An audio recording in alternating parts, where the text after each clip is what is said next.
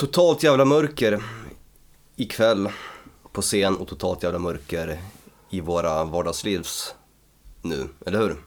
Ja, det passar jättebra. Ja.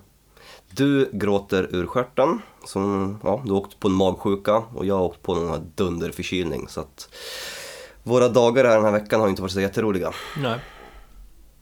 Men vad fan, jobbet ska göras och vi ska ta och eh, summera års bästa helt enkelt. Ja, vi kör.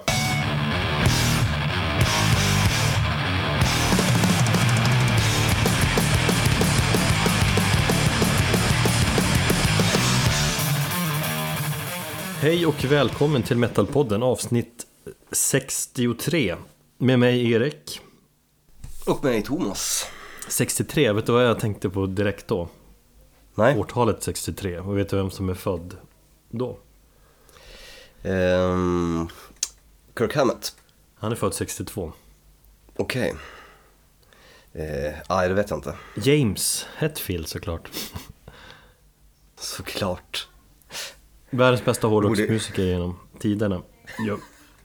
Ja, det där går ju att debattera. Ja, ja. ja, fan jag... Helvete, jag har haft den här magsjukan i var det, två, tre dagar Legat ner i källaren och varit nere i skiten och mörkret Men jag känner mig... Nej, jag känner mig inte hundra Jag var uppe på dass precis här nu innan, kanske måste gå igen Under Alltså- inspelningens gång Ja, eh, de här förutsättningarna för att spela in i det här avsnittet är inte optimala. Det är söndag strax efter lunch. Som sagt, vi båda är ju ganska illa däran. Och sen så har vi, ja, du är i alla fall eh, inlåst i din källare där nere. Jag har två stycken ungar som springer omkring och kan komma att väsnas lite grann och, och bråka i, i bakgrunden. Men ja, så får det vara helt enkelt. Våra lyssnare är ju vana Ja, jag hoppas det i alla fall. Men, eh, nej som sagt, så att eh, i två avsnitt och de två sista för året så ska vi alltså summera de 20 bästa skivorna enligt Metalpodden. Det är dig och mig. Mm. Och vi har ju...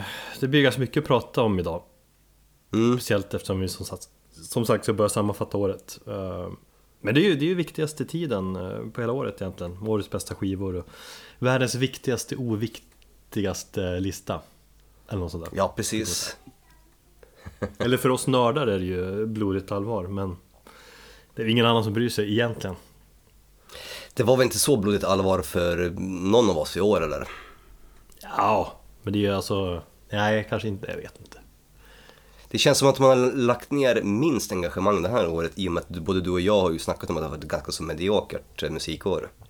Jag gillar hur du peppar upp den här listan med att Ja, jag tror säkert den kommer, den kommer bli jättebra men jag bara säger jämför med förra året liksom. Var det exceptionellt bra skivor förra året? Jag minns inte ens.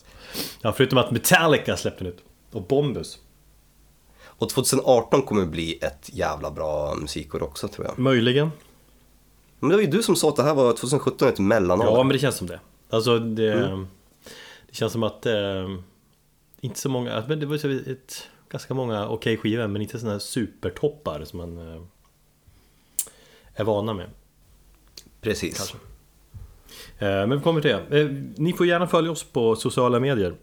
Ni vet Facebook, Instagram och eh, Twitter. Eh, Där vi heter Metalpodden. För där har vi bland annat tävlingar då och då. Som kanske många av er missar då om ni inte följer oss. Eh, Vi har ju låtit ut ganska mycket eh, tävlingar om tuffa vinylskivor och senast en DVD-film. Faktiskt. Mm.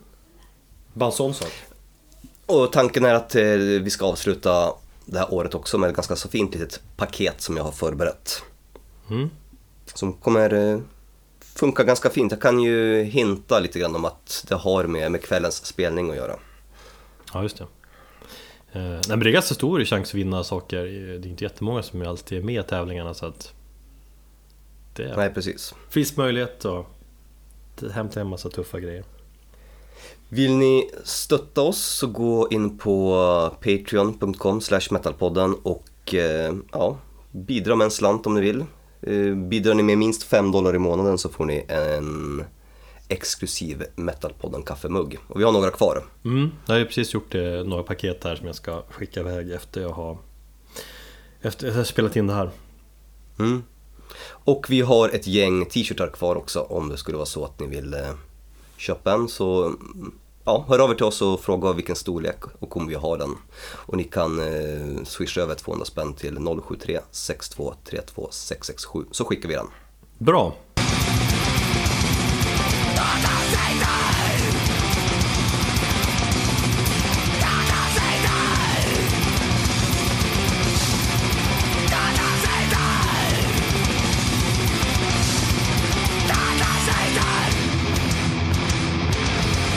Innan vi går in på så här årsbästa listor eh, så måste vi prata om Atlantas storhet Mastodon.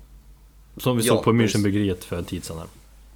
Ja, det, det jag slår mig nu är att det är söndag och jag ska gå på en spelning igen. Fan vad mycket spelningar som läggs på just söndagar. Det är ju det mest ooptimala.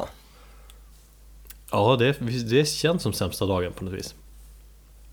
Det, alltså, man är så jäkla opepp. Söndagar, då vill jag ju liksom klockan sju så kurar jag ner mig i sängen och sen så ligger jag i fosterställning och liksom bondas inför en ny arbetsvecka. Den här ber berömda söndagsångesten. Ja, nu ska man iväg på en spelning också. I och för sig också ett bra sätt att, att, att eh, börja veckan på, men, eh, men ja, så här, runt publikmässigt så är det väl kanske inte det, det bästa. Nej. Även om det var en hel del folk på Mastodon. Ja, det var ju fullsatt. Var slutsålt. Det var ju... Det måste man ju säga. Att det Mm. var mycket folk så. Men sagt, trist med söndagsspelning. Men samtidigt får man ju... Jag får ju tacka dig för skjutsen. Det är ju fördelen när det inte är fredag eller lördag. Då vill du ju ofta köra. Ja, Det är bra, det gillar jag. Jag får, ge, jag får ge dig bensinpengar. Eller du fick lite öl där nu senast. ja precis. Men, eh, Alkoholfri öl alltså. Ja, exakt. Det är ju lite speciell eh, lokal Münchenbryggeriet. Eh, jag kan inte riktigt bestämma mig för om jag gillar lokalen eller inte. Eh, jag tycker ju jättekonstigt med den här scenen som inte står i mitten av lokalen utan står till vänster. Så det blir som ett liksom... Det blir ett tomt område där till, till höger om scenen. Eh, vilket gör att det oftast känns ganska konstigt. För det, det blir ju inte fullt även om det är fullt. För det är ingen som står där. För du har ju ingen, du har ju sämst ljud och du har sämst... Ja, du har ju ingen insyn på, till scenen. Ja, exakt. Och så ger lite konferenskänsla. Man, man, man känner att här har det varit någon konferens här under dagen. Det är så här höga, runda bord liksom och, och välstädat och så. Det finns ingen, ingen skitighet i de där lokalerna. Men det funkade ändå tyckte jag. För att eh, ljudet var ju ganska bra. Ja, jo, men jag har haft bra upplevelser där. Jag är jag men Meshuggah i år. Uh, Ghost, de har sett det var bra. Opeth på Close Close Up-festivalen för massa år sedan. Mm. Metallica 97. Ja, du ser. Mm. Eh, förband var ju Russian Circles och eh, Red Fang. Red Fang. Och de gjorde väl inte så mycket av, väsen av sig egentligen. De behöver vi kanske inte gå in på så mycket. Jag är inte så jätteövertygad eh, över Red Fang även fast de var ganska så sköna på scen men det är ju musiken så här. Det var så här, ja. De kör sin grej men det är ju liksom, jag är trött på det. Ja, ja, men de är ju bättre live än på skiva. Eh, Och jag har varit på en del sköna spelningar med dem så, men det var ju, det var ju några saker som förstörde. Dels att det var söndagsspelning. De ska man ju se en fredag eller lördag kväll, en blöt sån liksom. Ja, Eh, Och så var det burkigt ljud, det minns jag. Det var bara liksom bas och trummor som hördes. så kanske det var. Mm. Eh, Men det var väl okej. Men det var ju Mastodon som eh, alla var där för att se. Såklart. Och som var en speciell konsert i och med att den här eh, Scott Kelly var med. Mm. Sen har ju konserten hunnit sjunka in lite grann nu. Jag tror det är bra att snacka om den lite så här, Någon vecka eller två eller tre senare. Ja, nu har det ju gått ett tag sedan den var, jag- som jag ska säga så här, jag har nästan förträngt den vill jag säga. Ja, ja, ja men jag har ju peppat den. Det kanske var den konsert jag peppade mest under hela året. Vi har ju snackat Mm. om den i, i podden också men Jag har väl ganska många intryck från konserten då. Det är dels eh, Alltså sångmässigt tänkte jag mycket som i stora hela var bra. De har ju låtit Mm. sämre tidigare. De har jobbat mycket med sånglektioner och så. Det tycker jag märks. Jag tycker att eh, Ja men en snubbe som Bram Daler, trummisen, får ju sjunga väldigt mycket nu. Betydligt mer Mm. än tidigare. Eh, Alltså han gör det ju bra, det är inte perfekt men det låter, det låter lite andfått sådär ibland. Men han, fan, han spelar ju Ja trummor. Det är just det jag tänkte på och speciellt, okej nu har ju Mastodon blivit lite lugnare. Han smattrar inte på på trummorna på samma sätt som han gjorde i början så då kan han ju fördelvis sjunga ganska okej också. Ja. Men det är ju helt annorlunda från till exempel när jag är i studion då han sjunger enbart och, och till redan pålagda trummor. Jo, precis. Men jag tycker att han, han gör det ändå jävligt bra. Absolut. Annars brukar ju Brent vara den som är svaga länken bland sångarna. Ehm, Tänkte precis säga det. Eh, Han är ju oftast den som gör, eller som har problem live tycker jag. Ja, men jag tycker han också skötte sig rätt bra. Det var något ställe, någon refräng här som kändes surt, men eh, jag stora hela, man tänker inte på det lika mycket när man, är, när man verkligen upplever det live. Så här. Om man kollar, om du spelar in det liksom och lyssnar på det efterhand, då kanske det inte låter lika bra. Eller om man kollar något YouTube-klipp eller så. Troy däremot, hans eh, mörka baritonröst tycker jag är så jävla fint. Och jag tänkte på den i just själva låten eh, Show Yourself, singeln. Eh, det här när han eh, wailar lite grann. Ja, just det. Nu han, går, han stegrar upp i, i, i och blir mörkare och sen börjar han waila i där, precis där vid refrängen och sen så... Nej, det tycker jag är så jävla snyggt och det är sjutton jävligt snyggt även live. Fick lite gåshud. Ja. I, I övrigt så tyckte jag att faktiskt att det var en arbetsseger för att det började, även om de började ganska hårt med The- Last Baron, 14 minuter lång låt, ganska så mäktigt att öppna med den. Eh, så, så, ja det var, de blev varmare ju längre konserten led och blev bättre. Men det var inte direkt optimalt när de, när de började.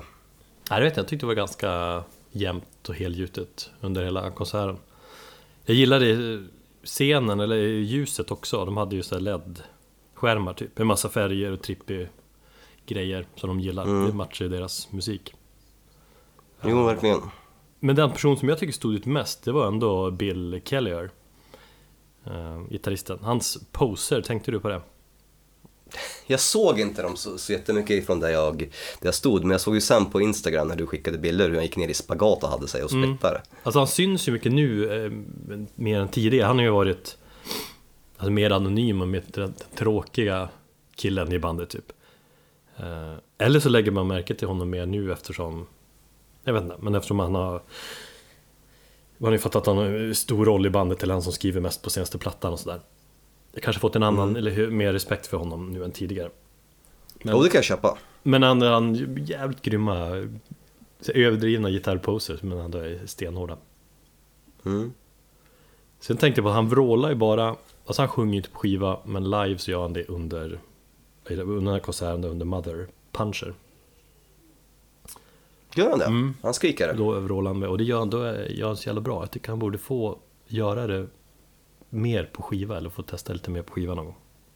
Det tycker jag också. Han är ju den enda som egentligen är ganska tyst på skiva. Ja, precis. Jag sk- Jag skulle jättegärna vilja se honom på nästa skiva göra någonting med sin röst också. Det känns ju inte dock som det. Han menar ju att de andra tre är så mycket bättre karaktäristiska sångare. Men något vrålande som man kör, det vore kul. Mm.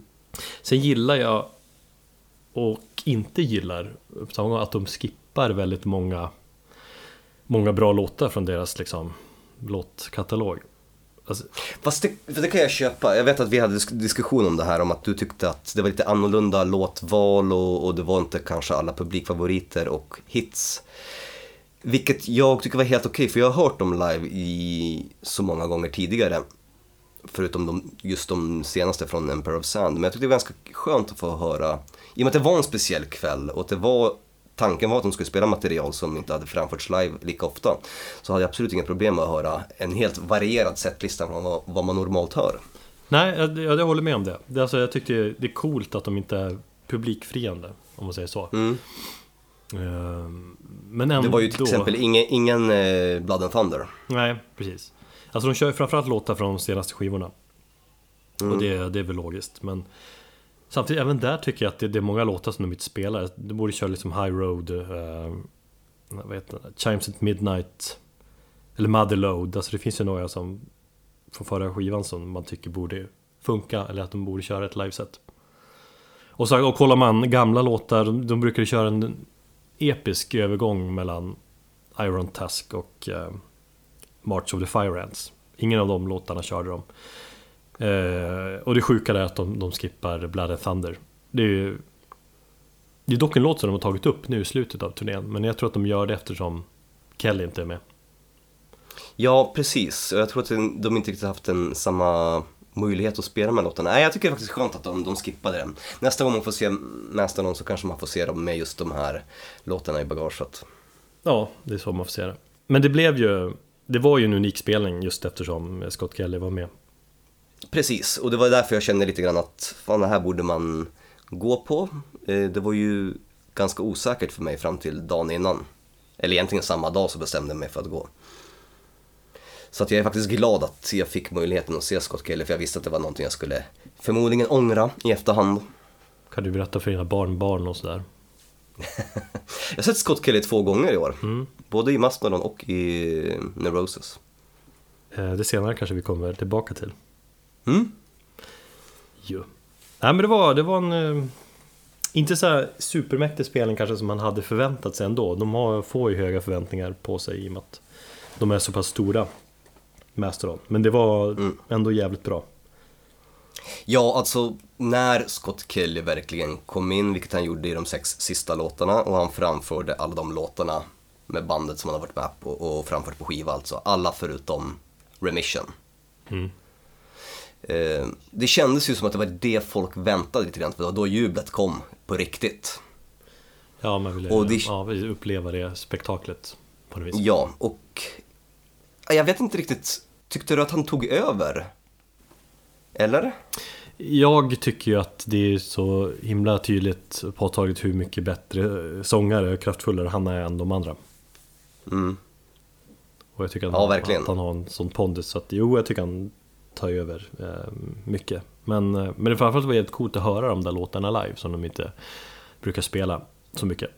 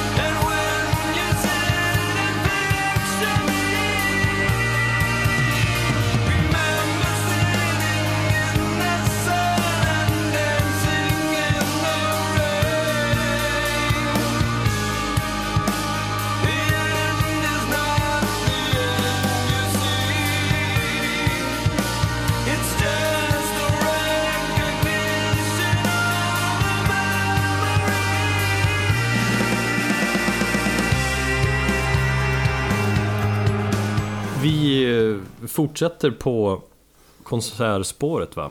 Eftersom det är i slutet ja. av året eh, och man ska sammanfatta allt Så snackar vi lite grann årets bästa konserter mm.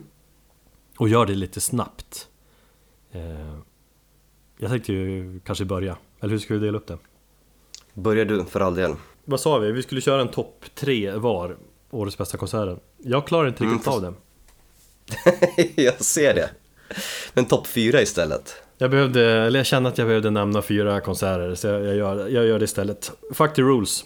Plats nummer, och så har jag, har jag en eh, ordning här också. Eh, så årets, för mig då fjärde bästa konsert, Monster Magnet på Grönan, Grönans lilla scen. Eh, Den som du hatar så mycket? Nej, det är stora scenen jag hatar. Jaha, det är så, okej. Okay. Det fattade jag aldrig. Nej. Lilla scenen blir nästan lite klubbkänsla och det var det som var så jävla bra. Mitt på sommaren, solen sken, du vet ölen flödade. Flödade. Flö, flödande öl, ja. Nej men man var glad och lycklig och det var intimt där på lilla scenen på Grönan och eh, Day Windows var i fysisk fin form igen. Väldigt kunglig setlist och är nog den bästa Magnet-spelningen jag varit på faktiskt. Plats nummer tre, Metallica i Köpenhamn. Eh, jag har faktiskt sett Metallica två gånger i år. En i februari och en gång nu i september. Början av september.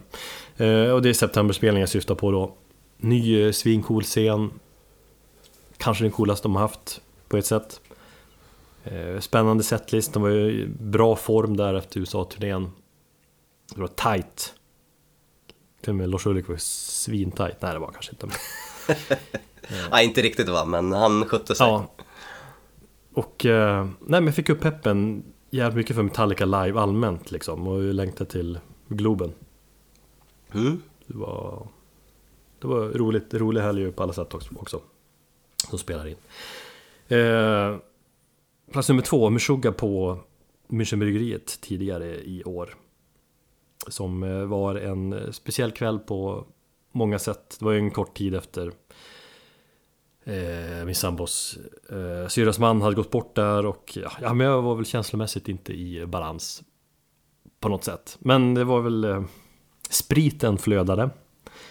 Eh, jag behövde komma ut, bli full, träffa vänner, träffade sjukt många, hade svinkul. Och Meshuggah tycker jag dominerade fullständigt. Fan vad fint. Så jag gick så här bananas och eh, hoppade ut i morspitten och röjde loss också. Jag minns att du gick verkligen all in och liksom bara försökte rensa skallen. Precis. Var du där förresten? Nej. Varför var du inte det? Eh, ja, förmodligen för att, ja alltså Hatar vi har väl... Nej. Nej, jag hatar inte Meshuggah, men jag har väl kommit fram till att jag inte riktigt är kanske det största fanet av Meshuggah, så jag kände riktigt att jag behöver se dem live. Och sen så vet jag inte, var inte det typ en söndag det också? Nej, Kanske var en torsdag? det var lördag eller något. Ah, ja, jag hade säkert någon, någon, något giltig, eh, någon giltig ursäkt. Ja. Plats nummer ett. The Guns N' Roses på Friends Arena. Det förstår jag fan inte. Första gången jag, jag ser bandet live överhuvudtaget, alltså det är ju ändå gamla hjältar. Nostalgiska sådana i och för sig, men... eh, Nej men man har liksom, man har ju aldrig fått någon chans att se dem tidigare.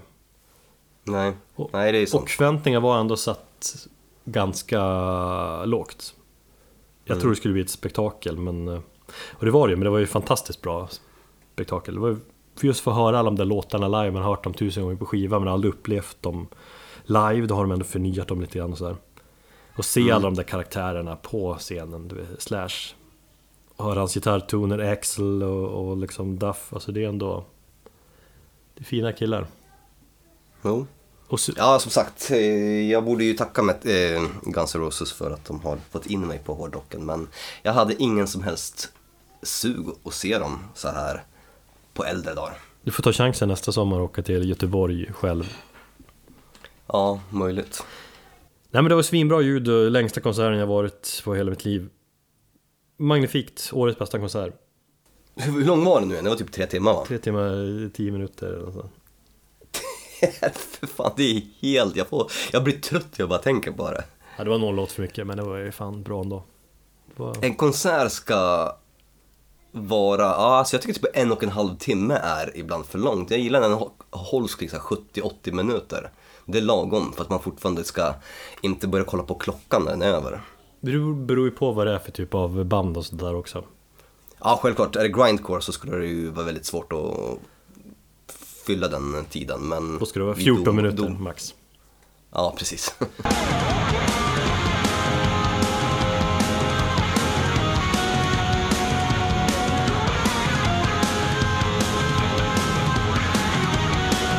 Mina topp tre då.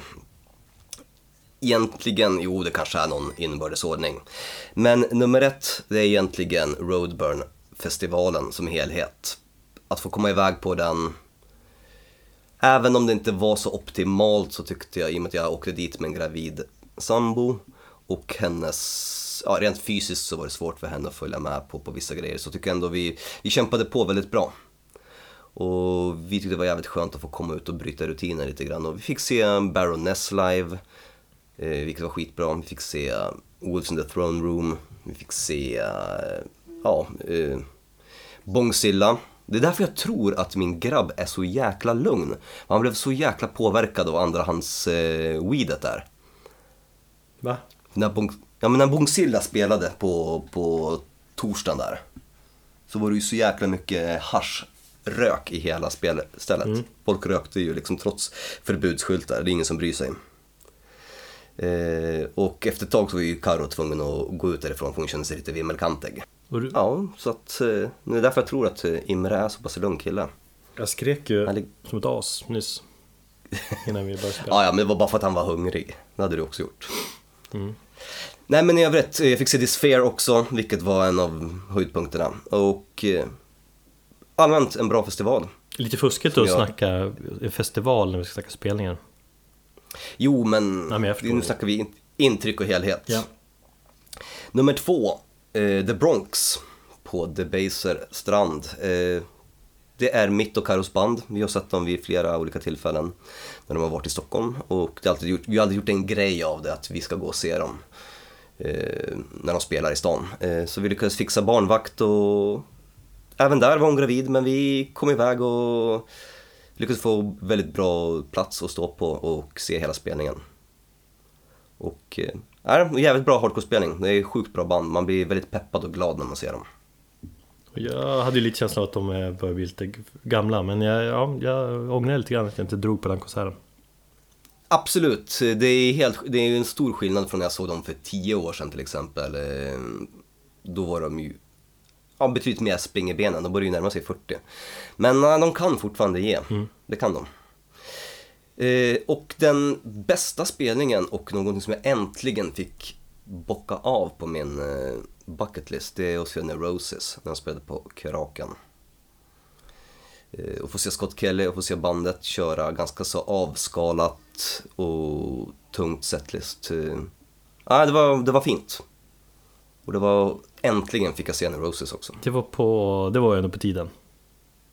Ja, eller, eller hur? Som sagt, jag har ju också missat dem vid så många tillfällen så att jag kände att nej, nu vill jag se. Och så spelade ju Wolf Brigade före och det var också ganska kul att få se dem. Även om spelningen kanske lämnade lite grann att önska så var det schysst att få se dem också för första gången.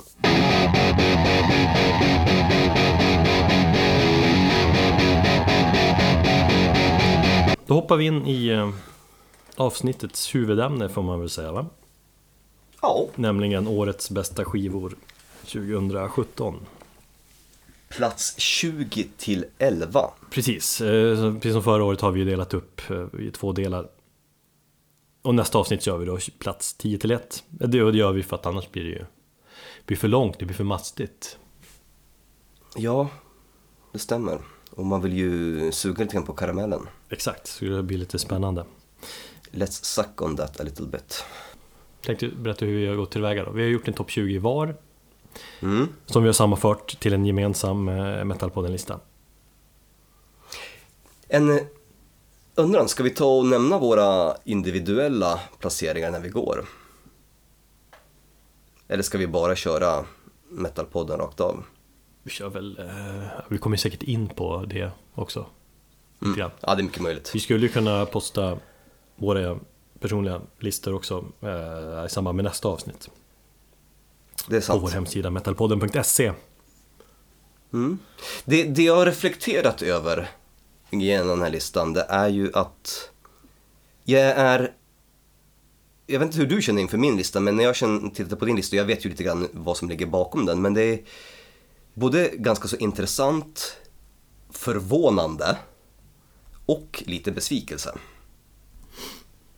Men det med besvikelsen, det Ja. kan jag nog inte köpa. Alltså, Ja, vi kommer till det. ja. Men vi, vi kan väl berätta lite hur vi har tänkt, eller kan vi berätta lite hur jag har tänkt. Alltså jag har ju, precis som jag gjorde även förra året och kanske året innan dess, ehm, jag har försökt välja skivor som har, har påverkat mig mest. Alltså de skivor som har gett mig kickar på olika sätt och eh, som har betytt mest för mig detta år. Mm. Så jag har listat skivor utifrån den prioriteringen först och främst. Det har jag också gjort och kanske mer så i år än vad jag gjort tidigare år. För det känns ju ärligast och liksom intressantast att, att göra så. Men, ä- men även enklast att göra så. Annars blir det ju lätt att man lägger in ja, men massa andra parametrar i tänket. Typ, eh, om det där bandet släppte en skiva år, men hur bra är den skivan jämfört med deras tidigare album? Och sådana där grejer. Jo, Är det här bandet fortfarande, är de här fortfarande vitala? Mm. Eh, Sånt där tänk. För alla Nej, andra, det- är fuck sånt. Jag, jag tänker bara, gav den här skivan mig någonting i år? Ja, och Ber- hur mycket? Berörde den dig Mm. på ett något djupare plan än bara liksom en headbanging och, och så? Ja, fast det kan vara jävligt skön headbanging också. Nej men alltså att, eh, ja. Berör på olika plan. Om jag ska vara ärlig så antalet plattor som har gripit tag om mig på ett djupare plan är egentligen väldigt, väldigt få. Jag har inte ens haft en lista som jag fyller liksom 20 stycken plattor som har berört mig utan jag kan faktiskt säga att de kan man räkna på ena handen. Sen så har jag ju varit tvungen att använda lite andra parametrar när jag har räknat. Men i, i, på det stora hela så har jag också tänkt så som du har gjort. Men det behöver inte bara vara som har berört mig, alltså som du säger, på ett djupare plan. Alltså det kan vara en skiva som har bara fått en kick av att det var jävligt feta riff till exempel. Som jag har ett fall. Jo, men jag kan tycka så den ena stunden, så den andra stunden så bara, nej men det här riffet var ju inte så jättebra. nej. Allt, allt, allt beror på, på dagsform, utan jag vill, alltså det jag egentligen letat efter och det är därför jag har börjat bli ganska så mycket gubbsur på senare tiden. Det kommer ni få märka under nästa år också. Jag kommer vara ännu hårdare i mina egna urval och, och egentligen avfärda musik hårdare än vad jag gjort hittills. För att jag känner att jag har inte den tiden och det är väldigt mycket musik som jag har lyssnat på. Men fan, det här är inte speciellt bra. Man blir tipsad om, om en massa musik så bara nej, det blir ett overflow av information för att man får så mycket musik som man ska bearbeta och jag bara känner att jag orkar inte det. Mm. Det har vi pratat lite grann om också att du lyssnar ju mer musik än vad jag gör. Jag tror det kan vara lite farligt och liksom, det blir för mycket helt enkelt. Jo, ja, jag har ju kommit till den här punkten där jag känner att det är inte lika kul på samma sätt som det var förut och, och då kanske jag får ta och tänka om lite grann. För jag vill ju inte att det här ska bli ett rutin eller ett jobb som jag hatar. Nej, ja, men så är det ju med allt mm. egentligen. Det får inte bli för mycket av det, det goda. Nej, så därför har jag lovat mig själv att inför nästa år så kommer jag vara mycket hårdare i mina urval och, och det ska verkligen resonera på lite fler olika plan än bara, ja men du det här är bra liksom. Mm. Men, men för all del, låt oss gå vidare. låt oss börja. Mm. Sen kan man ju säga att vissa kan ju tycka att det, det är töntigt och onödigt att göra sån här års bästa lista. Mm. Och ifrågasätta hur svårt det kan vara egentligen. Men testa då att göra en själv. Så får ni se hur jävla lätt det verkligen är. Eller inte är. Och att det samtidigt är ganska kul att göra. Man blir ju ut, man ja. måste ju, man utmanar sig själv och sin hjärna. Känner ni att ni vill dela med er av era listor så kommentera gärna och på våra sociala medier och ja, skriv gärna vad ni tyckte var året årets bästa eller hur fel vi hade. Mm. Det var kul med diskussion. Eh, jag hade ju en liten tanke att vi skulle göra en slags att våra lyssnare skulle få komma med sådana här listor så att vi körde någon, någon stor metalpodden lista på det viset. Absolut, det skulle ju kunna vara någonting framöver. Till nästa år kanske vi gör någon sån grej. Kanske våra patroner mm. som får vara med på den grejen. Inte dålig idé alls. Jag börjar tänka på det i slutet av veckan men känner att det är lite för sent nu. Men eh, det tar vi framöver. Plats nummer 20. Grift och eh, albumet Arvet. Eh, enmanna black metal-bandet från Västra Götalands landsbygd som består av Erik Gärdefors. En skiva som jag pratar om under vårt hårdrock på svenska avsnitt. Mm, avsnitt vilket var ganska nyligen. Exakt, avsnitt 60 där. Eh, som ni har lyssnat så har ni ju kanske koll på den. En skiva som berörde mig på djupet där tidigare under, eh, under hösten. Och eh, jag är svag för Grifts den här melankoliska men ändå vackra sida. Och han lyckas liksom måla upp bilder i mitt inre. Man ligger och funderar på saker och ting. Och man, när man lyssnar på skivan så får man lite känslan av att man, man sitter där djupt i skogarna och tänker på tomheten och obetydligheten. Eller som jag har gjort nu, jag har lyssnat lite på den här nu när jag legat här i, i källaren i, i två dygn. Jag har bara tittat in i en vägg. Känt dig allmänt åt helvete? Ja, man, känns, man blir så jävla nere mentalt också när man sover dåligt och spyr och skiter och har sig. Livet är inte så jävla roligt hela tiden. Man vill ju vara glad va, som eh, Jonas Indes karaktär Tommy Bolin Killinggänget säger Det är lika bra att vänja sig av med att leva, säger jag mm. Är det en skiva eh, som du har tagit till dig? Ja och nej. Ehm, det är en skiva som jag tog till mig när jag recenserade den för Close-Up. Betydligt mycket mer moget än när jag recenserade Machine Head. Mm. Jag vet att du har synpunkter på det. Ehm, sen så föll den bort och sen så när du började prata om den så tog jag upp den igen. Mm. Och det är faktiskt en skiva som har vuxit just efter att eh, du har pratat om den. Det här har vi ju diskuterat förut, att när vi får en personlig koppling nu, ja men jag känner dig och när du börjar prata om hur mycket en skiva, och speciellt en black metal-skiva i och med att du inte är per definition någon black metal-snubbe. Så blir det extra intressant, ja men är det någonting som Erik har hört i den här musiken som jag kan ha missat? Så då tog jag upp skivan igen och så har jag lyssnat på den väldigt mycket, så jag har försökt att somna in till den på kvällarna och så. Ja exakt, det blir en annan infallsvinkel eller man ska säga då. Mm, ja, i och med att jag har fått ditt, ditt perspektiv på det. Fast det kan ju vara, Eh. slå fel också om du kommer med en och peppar den så jävulst och så lyssnar man på den och så känner man ah, men så bra var den ju inte. Absolut kan det göra det, men om du har någon personlig koppling, det är därför jag menar, folk kommer och bara lyssnar på det här och, och det här är så jävla bra och inte motiverar med det något ytterligare, då blir jag inte intresserad av att lyssna på, på musiken utan jag lyssnar på det här för att så här och så här gör musiken med mig. Ja men intressant. Mm.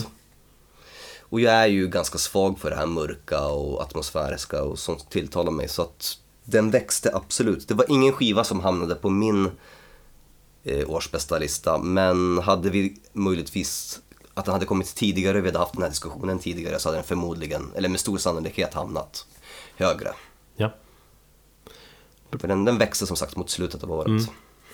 Vi, eh, vi lyssnar på låten Den stora tystnaden.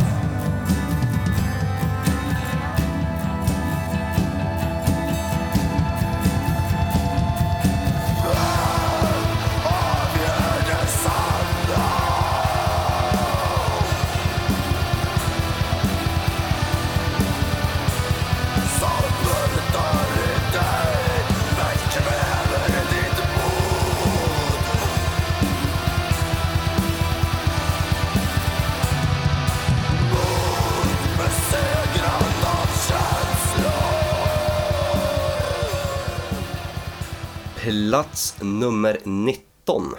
The Black Dahlia Murder, Nightbringer. Eh, ett band som alltid haft, ett giv, eller, ja, alltid haft en given plats i mitt hjärta ända sedan jag hörde dem i början av 2000-talet. Bandet bildades 2000 eller 2001. Jag upptäckte dem 2005 möjligtvis. Eh, alltid haft en given plats på topp 10 varje år. Eh, sen så hände det någonting när de släppte skivan Everblack. Och då började de trampa vatten. Bland annat så tappade bandet sin huvudlåtskrivare Ryan Knight och tog in några andra lite nyare förmågor. Så de skrev ganska så två stycken tradiga skivor som inte kom någonstans egentligen musikaliskt. Utan man såg att det här är bandet som är, förmodligen har passerat sina tio bästa år och nu är de på väg neråt och att de behöver, ja, de behöver utveckla sig om de ska fortsätta. Och det är kanske ett, ett av de här banden som ur den här lite mer modernare dödsmetall, melodiska dödsmetall-eran eh, som jag gillar. De brukar ju lumpas in i deathcore-träsket men jag tycker att det är väldigt, väldigt fel. Ehm, de bygger ju egentligen sin musik på väldigt mycket, ja, klassiska tvillinggitarrer med In Flames, Iron Maiden och, ja, och hederlig, brutal dödsmetall. Jag vill säga det liksom melodisk döds i grunden någonstans va? Med... Precis. Ja. Eh, Jag tror att jag till och med har beskrivit dem som ett Iron Maiden på steroider någon gång i en recension och det tycker jag kanske är lite ger en bild av, av var de vill befinna sig. Det är ju väldigt, väldigt melodisk och tekniskt väldigt bra musik. Mm. Eh, det jag gillar är ju Trevor Strands eh, röstlägen. Han har ju en fantastisk förmåga att och kunna variera sig från high pitch till djupa growl. Det pratade vi om lite grann tidigare i höstas. Eh, och med Nightbringers så hade jag faktiskt, jag hade räknat ut bandet innan den här skivan kom. Eh, de senaste två skivorna hamnade väl, för, förra skivan hamnade väldigt lågt ner på, på årsbästa och förra kom inte ens med och tänkte jag, nej nu är det kört. Men de lyckades på något sätt eh, hitta tillbaka och nu hoppas jag att de fortsätter så här. Jag tror det kan vara så att de nya medlemmarna nu har fått lite rutin och erfarenhet i bandet som, som gör att de känner sig vita, vitala igen helt enkelt. När The Black Dahlia Murder är bra, då är de jävligt bra.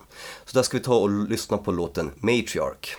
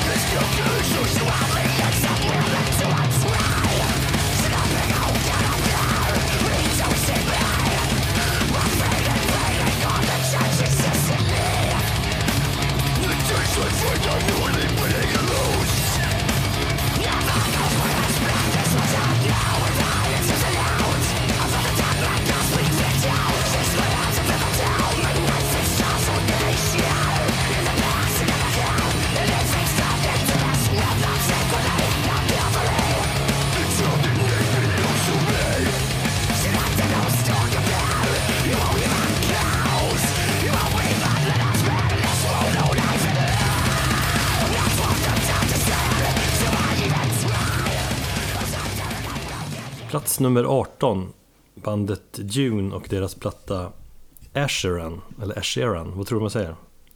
Asheron. Asheran. Eh, De stavar med ett V, alltså men, men det uttalas som Dune som sagt. De, D-U-N-E uttalar man. Kan det vara så enkelt så att de inte får använda Dune-namnet för att det är rättighetsgrejer? Jag är övertygad om det, för de stavade det normalt till en början. Men ändrade de för att vara lite mer unika och, och för att undvika sådana grejer. Mm. Så D-V-N-E, lite ganska true namn. Och de spelar ju inte true musik i den bemärkelsen, det är ju inget black metal vi snackar. Nej, precis. Dune, ja det är lite förvirrande namn kanske. Men, men det är ett band som kommer från skotska huvudstaden Edinburgh. Um, Sharon är deras uh, tredje release, de har släppt två EPs tidigare. Men det här är då deras första fullängdare. Och uh, enligt Metal Archive så spelar de progressiv sludge stoner metal. Och, och det, ja, den beskrivningen funkar ju fint. Man skulle kunna beskriva det som eh, Masteron metal också. Mm. Men mer tidigare Masteron-era då. Det här är ju en total överraskning för mig. Eh, Jag, första gången jag ens hört talas om bandnamnet var ju när jag såg den här listan. Det är väl härligt? Ja, var förvånande men kul ändå. Ja. Så nu får du sälja in, varför är den så, så bra? Vad hade du den på din, vilken plats hade den på på din personliga? Mm. Jag kan kolla här. Plats nummer 12. Mm. Så det är ganska fin, fin placering. Mm. Eh, nej men sagt, jag gillar ju, fan man gillar ju Masteron eh, metal. Och de har varit med så länge Masteron så det är ju, de har ju påverkat många band. Så det finns ju många band där under i det här eh, progressiva sludge, eh, stoner metal eh, träsket liksom. Och du menar att de här har, är påverkade av dem? Ja, det är de definitivt. Men det är mycket, det är Isis-vibbar också tycker jag och Neurosis och så här och, och däromkring. Mm. Ehm, Och så är det något halvluddigt science fiction-tema som omger hela plattan. Mycket space och sådär. Det är någon större... Jag såg Ja, jag såg lite grann på omslaget, jag fick lite så här halvt science fiction sleep-vibbar. Mm, ja, exakt. Det är någon story om mänskligheten och eh, teknik och hur det påverkar och Ja, det är nog luddig story, jag läser lite grann jag fattar ingenting. Men det är science fiction och det känns ändå coolt. Och det ska ju vara så, det ska ju vara en sån här story som eh, är lite, lite pårökt om man säger så. Mm. Eh, men det genomsyrar hela plattan och smälter in bra i musiken så att det känns liksom helgjutet på det viset. Sen är det en lång skiva som är 60 minuter lång.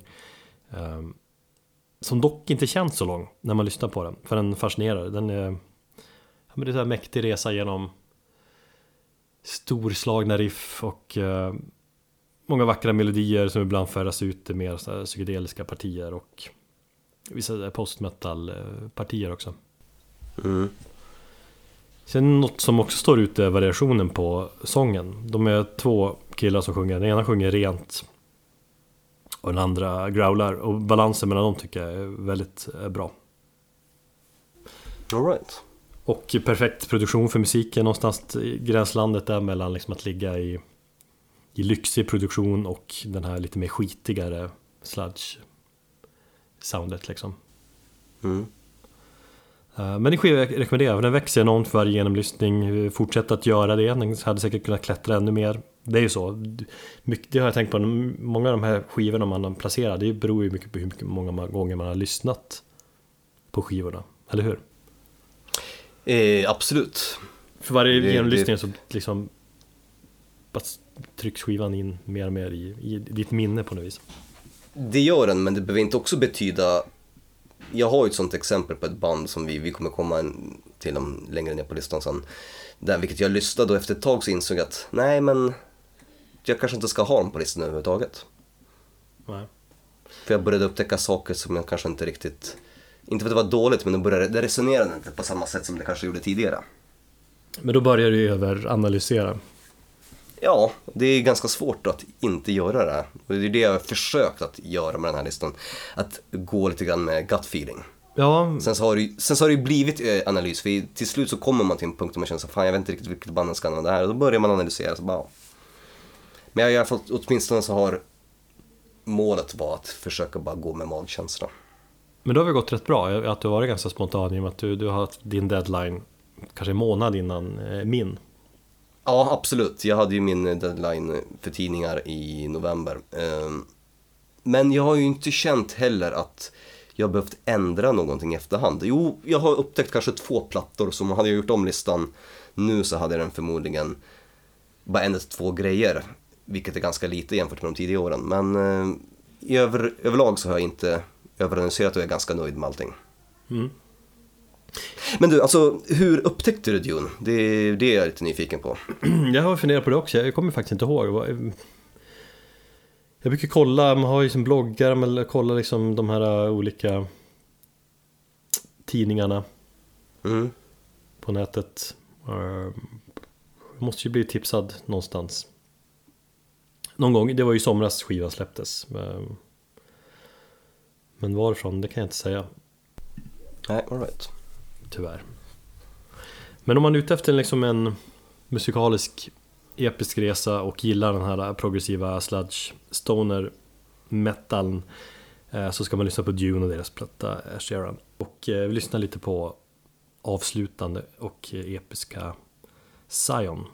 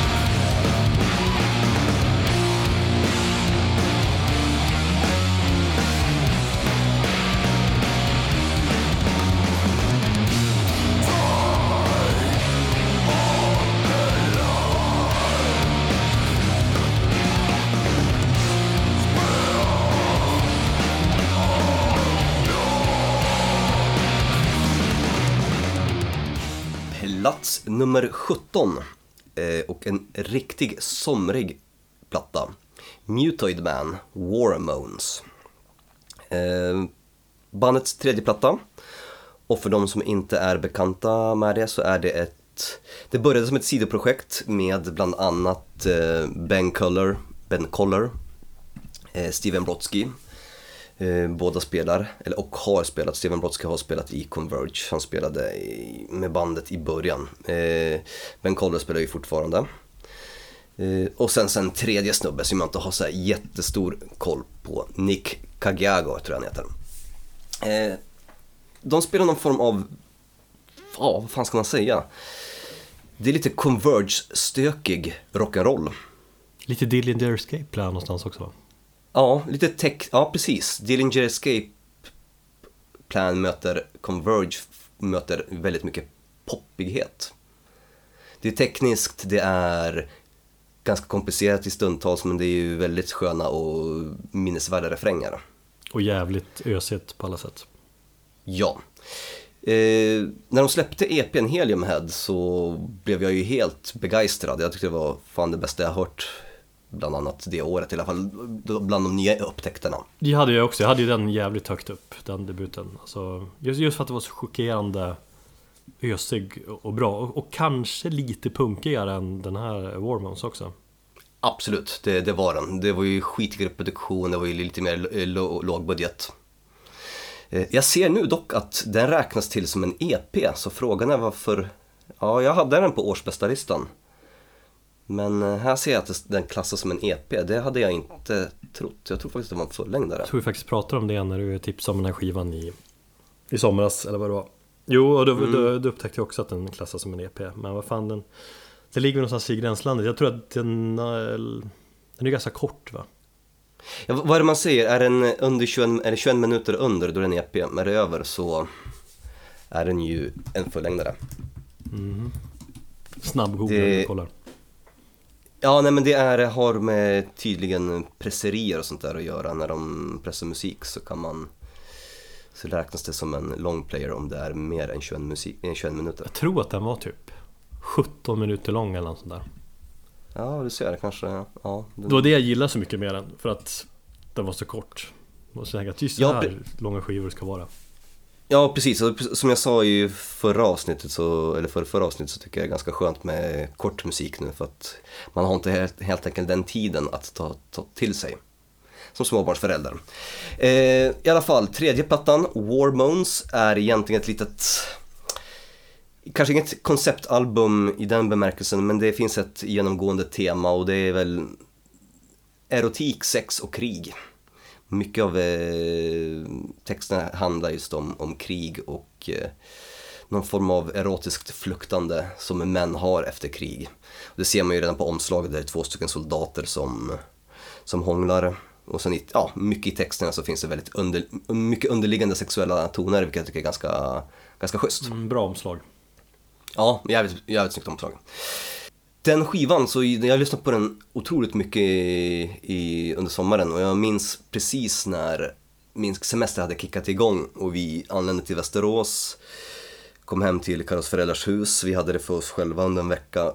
Det var fantastiskt sol, jag korkade upp en öl och så bara hade man fem veckor av fantastiskt lugn. Det var ganska skönt. Så brukar jag lyssna på det väldigt mycket under mina promenader eh, på kvällarna. Så att det, det är en skiva som livspeppade mig när jag behövde det som mest. Och vi ska lyssna på låten Melt Your Mind.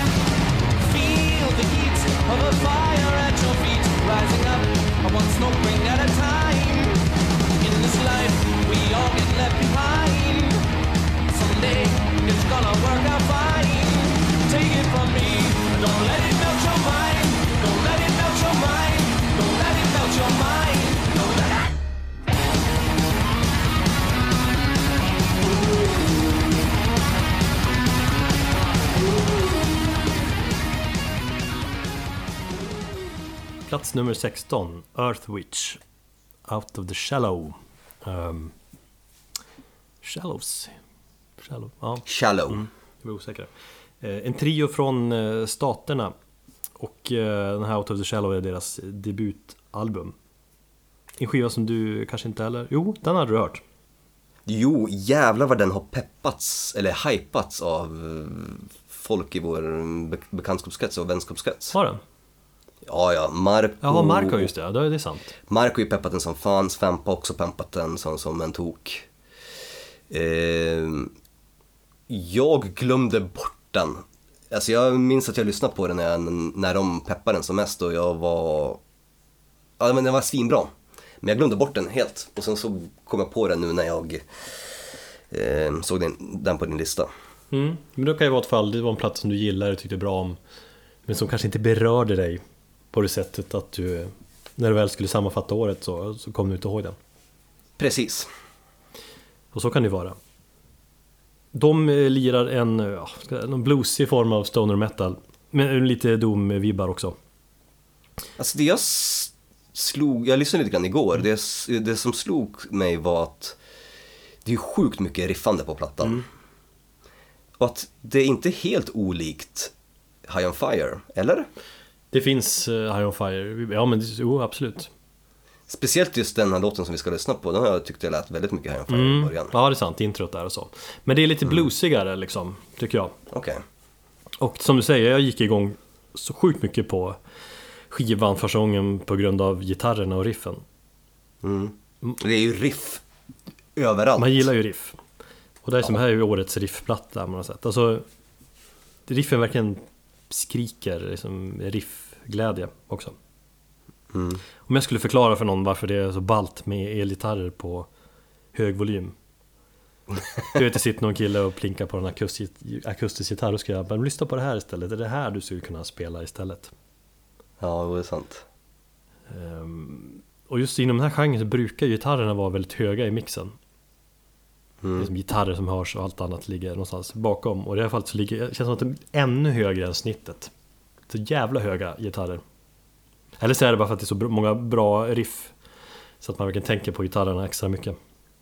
Det är liksom det jag tänkte på är att hur fan Antingen är det jättebra och många riff eller så är det bara jävligt många riff Att det är så många att jag inte ens vet om det är bra Man var tvungen att lyssna på det bara vänta, är det här verkligen bra? Vad kom du fram till då? Ja, jag vet faktiskt inte. Alltså, det är svårt att sitta still när man lyssnar på det och den, den är ju jävligt bra skivan men eh, ja, som sagt den berörde mig inte på, någon, på något annat mer plan än, än, än att jag tyckte att, ja, skönt att inte sitta still. Och det, det är ju så den berörde mig också på ett sånt. Det blir inte ett djupare plan så, men man blir jävligt glad när man lyssnar på den. Det, man vill som sitta och stampa takt, dricka öl och bara njuta av massa riff. Det, smitt, Ja, det men det- smittar av sig liksom. Mm. Fan, de har ju till och med en låt som heter, eh, vad heter den? Riff Rider. När ett band har en låt som de döper till någonting med riff, riff så vet man att då är, de, då är det business de menar. Mm. Sen är det ganska rå sång. Som, eh, ja men den matchar liksom musiken perfekt tycker jag. Mm. Och så gillar man ju debutalbum va? Innan de har sålt sig. Ja men allmänt, det är ju kul att upptäcka de här banden Exakt, som man kan säga sen när de släpper andra tre skivan och slår igenom att äh, Jag gillade ju demon och gillade men sen gillade jag ju första debuten där, sen gick, de, ju- gick det ut för Nej då, men bra debutalbum ska ju det ska hyllas, uppmärksammas Istället för folk som sätter typ Metallica högst upp jämt Jag har för mig att de var osignade också va? Att det här var en själv release, eller? Ja, jag vet inte faktiskt Möjligtvis i, i, vilket, i, I vilket fall så är det väldigt imponerande debut och, och ja, alltså vill, vill du ha riktig riffglädje då ska man ju lyssna på, på dem. Mm. Definitivt.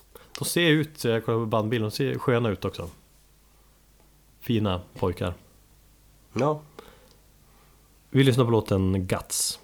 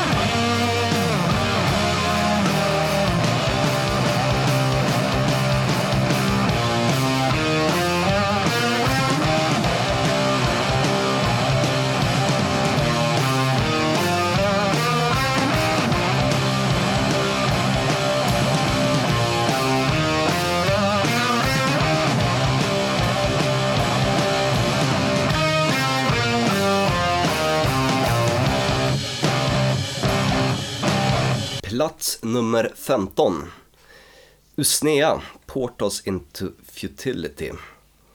En skiva som kom ganska sent ändå i år. Den kom väl där i oktober jag för mig.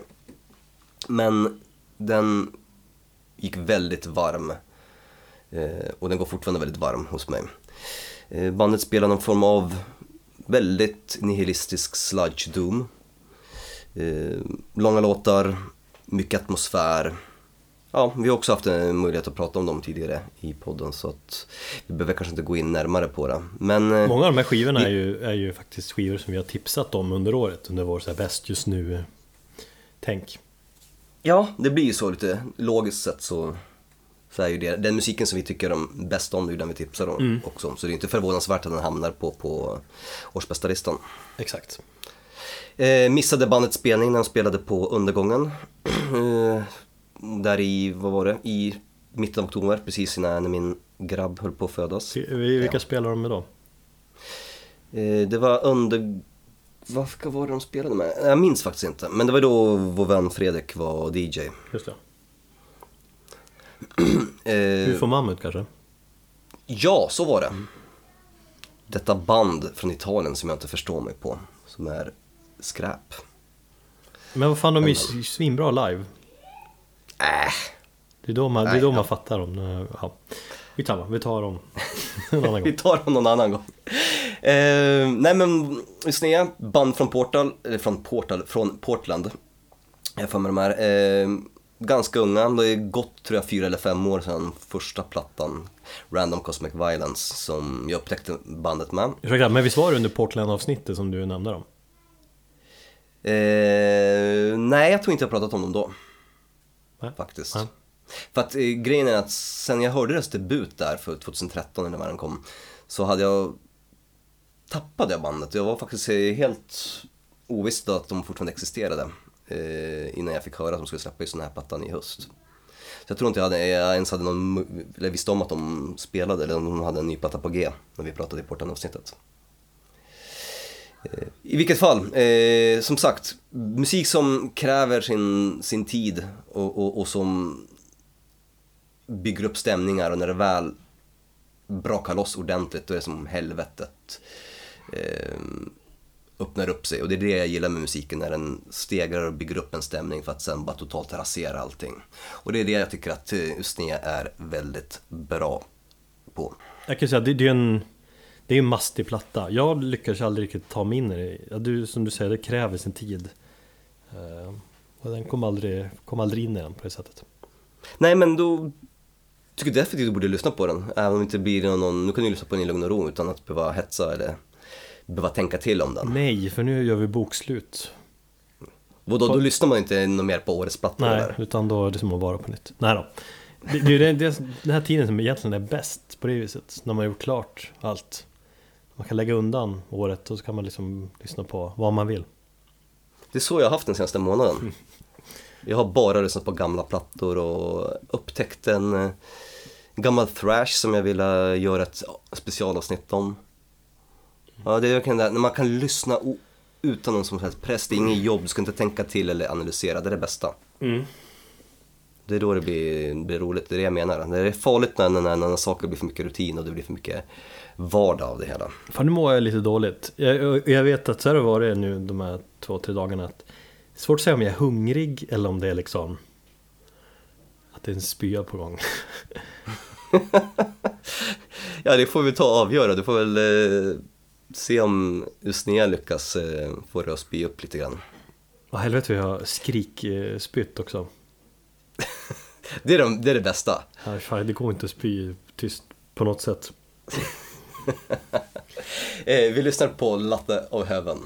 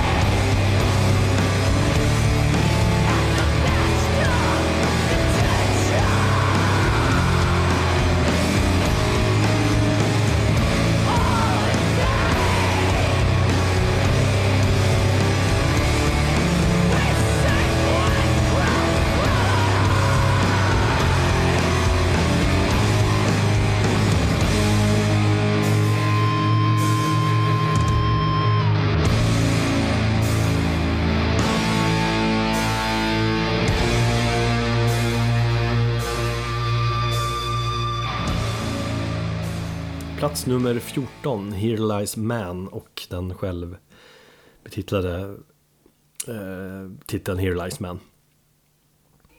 Jätteförvånad över att den kom med dig, fast ändå inte. Nej. Okej.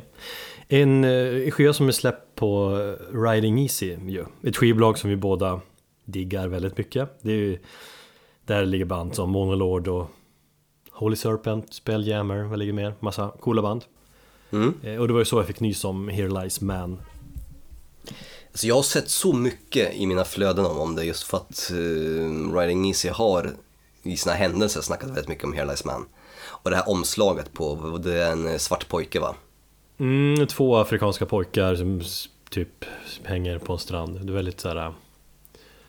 Klar, eller väldigt speciellt skivomslag, det märks. Det utmärker sig. Mm. Alltså, för jag hade ingen koll på musiken överhuvudtaget, så när jag kollade upp det här igår så stod det som om Black Sabbath skulle börja spela afrobeat. Exakt. Det var ju så, alltså det var dels så jag, anledningen att jag började lyssna på dem. Dels att det ligger på Riding Easy då, som man, man gillar Dels skivomslaget som känner att det här är något speciellt. Också i PR-snacket om skivan så sa man att uh, What if Black Sabbath played Afrobeat? Mm. Och det är lite så skivan beskrivs ska låta, alltså Black Sabbath blandat med Afrobeat. Nu är jag ju långt ifrån någon expert på Afrobeat-genren om man säger så, men det är är en musikgenre som härstammar från från Afrika, eh, från Nigeria ursprungligen. Eh, Mm. 60-70-talet. Och där är det själva liksom rytmiken som är den drivande kraften i den här Alltså, genren. rent, mm, rent spontant tänker jag på att det här inte kan bli en bra kombination på samma sätt som eh, vet han, eh, Seal and Ardor gjorde när han blandade black metal med afrikansk musik. Men Det, vadå, just- det, var ju inte en bra, tyckte du höll ju på att spy. Nej, jag tyckte inte det var Nej. bra. Och det- Rent spontant så känner jag att det här kan inte heller bli bra. Nej, Nu har jag dock inte hört musiken så jag kan inte säga någonting. Eh, Seal and Ardor har jag hört och till och med försökt att lyssna på. Men jag har fortfarande inte lyckats komma förbi det där hindret. jag är väl medveten om att det är ing- inget för alla det här. Det är ju det är speciellt. Alltså, och det är den här afrobeat-grejen som är, det är ju mycket groove och mycket avancerade rytmer i den genren. Det är ju cool genre. Eh, Men det finns ju en kille då som heter eh, Marcos Garcia. En snubbe som är en av väldigt många medlemmar i ett afrobeat-band som heter Antibalas. Mm. Och han är då hjärnan bakom Here Lies Man. Eh, och idén att blanda afrobeat-rytmer med riffbaserad rock. Eh, för han menar att det finns likheter mellan de två. Alltså, eh, jag, jag tycker väl inte att det är så mycket Black Sabbath i musiken alls. Men absolut tung rock och, och, liksom mycket psykedeliska rockpartier. Men det är mycket, mycket så repetitiva partier. Och det är ett jäkla sväng. Man sitter och diggar mycket. Och blir, Det jag kan tänk- tänka mig att, att man gör. Jag, får, jag får helt enkelt ta och blir på bra humör. Men du har ju inte hört alls. Nej, Lite sent, för jag var övertygad om att du skulle bara Fy fan, eller någonting. Fy fan vad dåligt eller fy fan vad bra. Fy fan vad dåligt. Bakåtsträvaren Thomas som inte vill ha något Någon bland, Äsch. blandning Man får inte blanda hålla på Ja, ja det är kanske en del av min, min surgubbhet. Nej, jag ska ta och lyssna in mig på skivan vid tillfälle. Rent spontant så känns det som att det är ingenting som direkt har varit min kopp te. mm. ja, men Jag gillar för att det är så annorlunda Om man blir på bra humör, jag har kört den ganska mycket hemma När man lagar mat eller röjer, röjer runt med Elliot eller så Och framförallt är det väldigt mycket Väldigt mycket instrumentalt och lite sång Lite text framförallt, oftast är det som bara att de sjunger bara Låttiteln Det diggar jag right. Stundtals väldigt briljant och mycket så psykedeliskt som jag gillar. Men sen, eh, jag är ju medveten som sagt att det är knappast någonting för alla. Eh, Är det metal? Nej, det är det liksom kanske inte. Men någon form av rock är det ju absolut. Mm. För det ligger på Riding Easy. Ja. Så eh, Afrika, det är framtiden för metal. Det är så pass. Kanske. Vi får ta och göra ett specialavsnitt om afrikansk musik. Det finns ju en hel del bra metalband. Det gör det. Thrash metal är ju ganska så stort. Mm, det skulle du kunna göra faktiskt. Mm. Vi lyssnar på Belt of the Sun.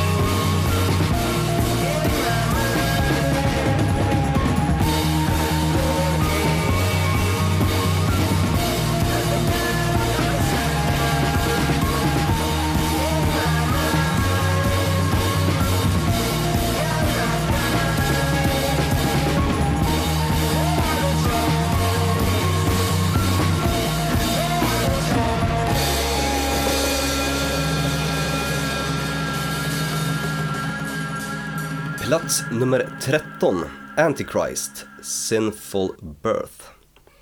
Ett svenskt band som spelar eh, en form av thrash metal.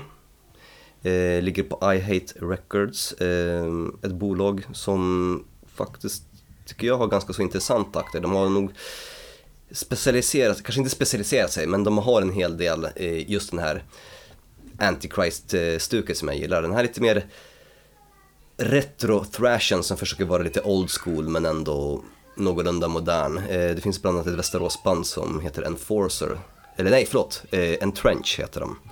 Eh, som ligger på samma bolag också. Eh, som också spelar ungefär samma, samma typ av Slayer-influerad, blasfemisk, eh, old school thrash. Eh, Antichrist har varit aktiva sedan 2006 kanske. De släppte en demo 2009. Jag upptäckte dem faktiskt inte förrän i år när de släppte sin andra platta. Eh, de hade även 2011 så släppte de eh, sin debutförlängdare som heter Forbidden World. Jag har inte ens eh, hört dem överhuvudtaget. Nej, och det där, där har vi en av de förvån ja, en sak som jag är förvånad över i år. Jag har ändå pratat om dem väldigt mycket. Nej. Nej, inte besviken, men jag tänkte thrash metal är ju någonting som ligger dig lite varmare om hjärtat än, än andra genrer. Eh, det är ju en av plattorna som jag köpte när eh, jag fick sponsring på tusen spänn och köpa plattor, eller när vi fick det och köpte eh, vinyl. Och då köpte jag ju bland annat den här skivan och eh, ja, argumenterade varför. Jag trodde att du skulle i alla fall köpa den, men nej, du sket i det. Ja, just ja. Men vadå, presenterade du det i, eh, i avsnittet? Jag har för mig det. För att jag... Det är i alla fall en, en av de första vinylerna som jag köpte i år. Mm. Tillsammans med Vampire, Wolf Brigade och eh, någon skiva till. För att jag, jag har ju liksom hört lite grann om den. Jag, mm. jag minns att jag tänkte att den ska jag lyssna på. Men så har det inte blivit av, så har man glömt bort den liksom. Som det kan bli. Ja. Nej men det är... Eh, det här visst, det här köper jag, i och med att du har den så pass högt upp så köper jag absolut att Att du är besviken på mig här Thomas. så, ja, eller förvånad, fan. men samtidigt så Ja, du skulle ha peppat den mer under eh, Under hela året liksom. Fan, jag har ju peppat den sjukt mycket.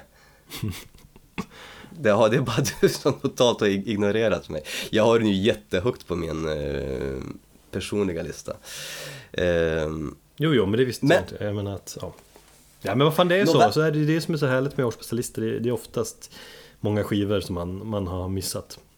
Ja, och överlag så är ju du och jag ganska så likadana. Vi brukar, men förra året var vi ju väldigt, var det få egentligen överraskningar. Utan det bara känns, ja men det är så här klockrent att det här är Eriks lista, det är klockrent att det här är Thomas lista. Mm. I år blev det inte likadant.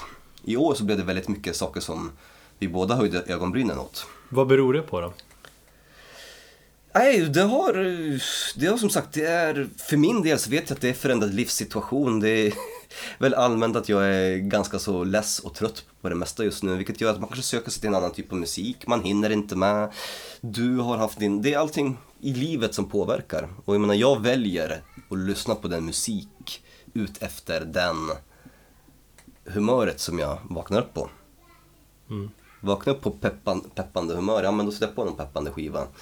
Känner jag att jag är deppig eller nere, då vill jag kanske lyssna på en deppig eller mörk skiva. Jag försöker liksom inte peppa upp mig då genom att sätta på pigg musik när jag är nere.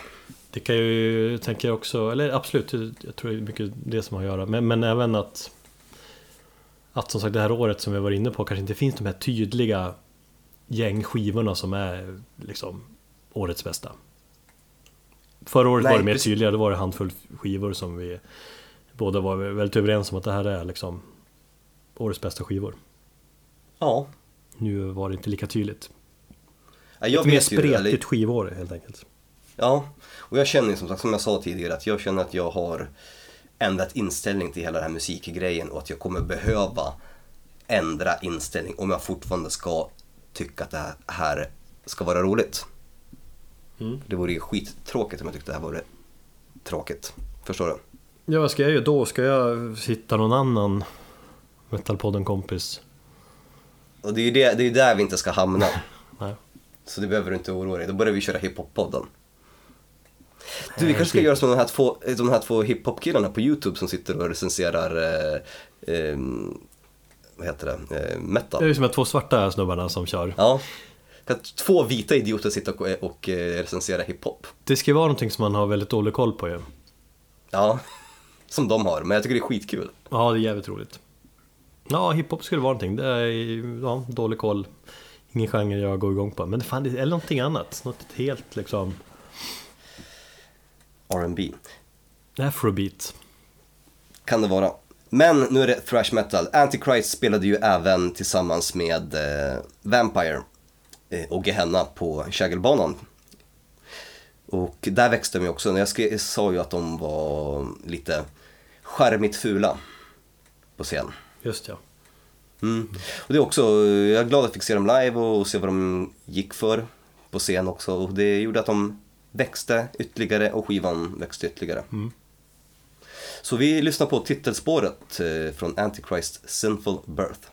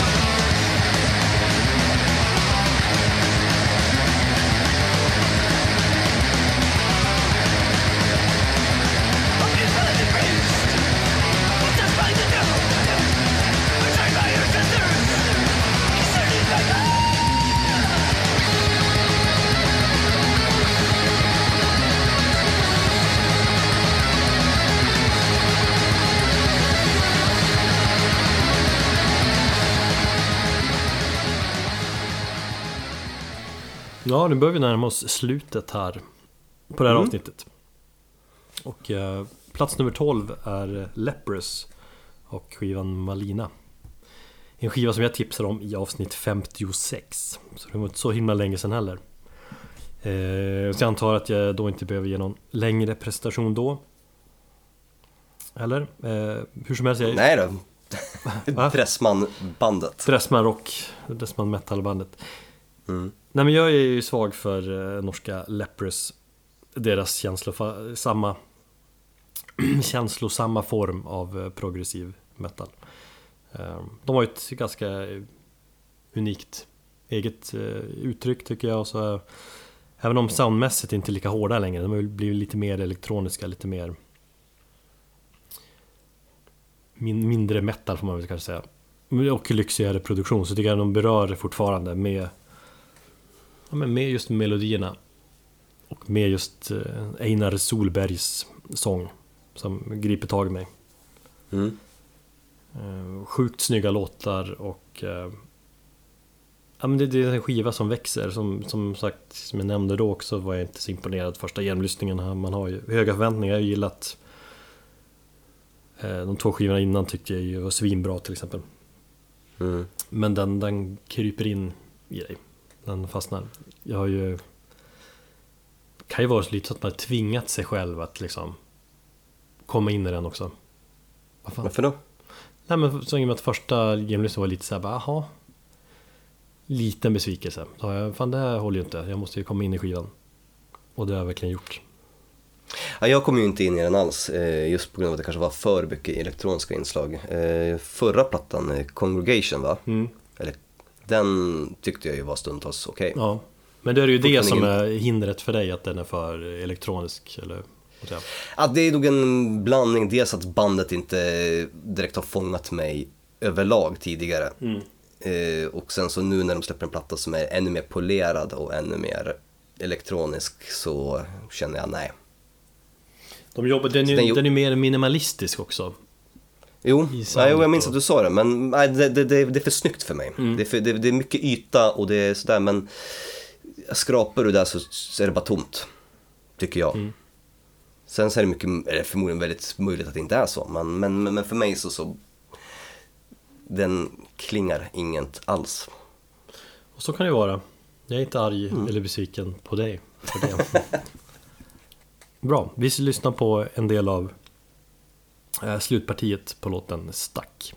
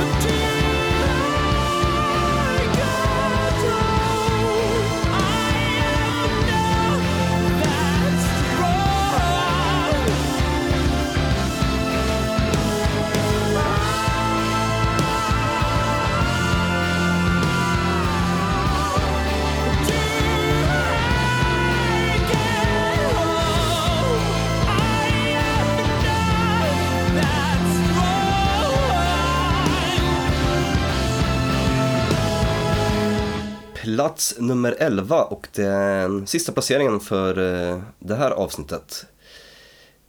Och här har vi också, här har vi nog kanske den största besvikelsen eller förvåningen eh, gällande dig Erik. Mm. Och det är Power Trip, eh, Nightmare Logic. Att du inte ens hade med den på din lista. Det, det är en bra platta. Och jag hade mm. den strax ovan, utan, utanför topp 20 där.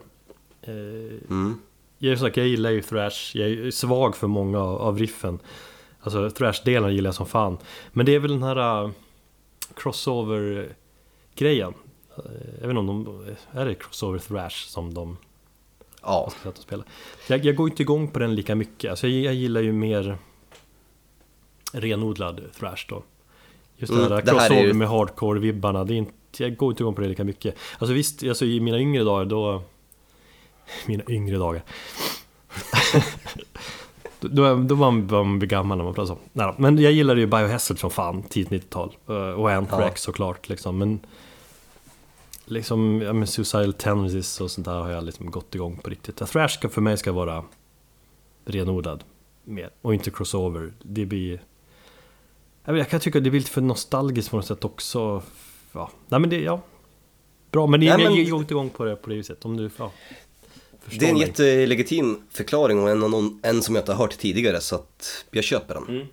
Och jag ska helt ärligt säga att jag förstod ingenting av den här skivan också för den, ursäkta. för den hypades ju också väldigt mycket när den kom. Den kom i april har jag för mig. Otroligt hypad skiva. Ja, eh, alla pratade om den. Eh, jag tror mycket jag för att, inte... många såg dem live där då.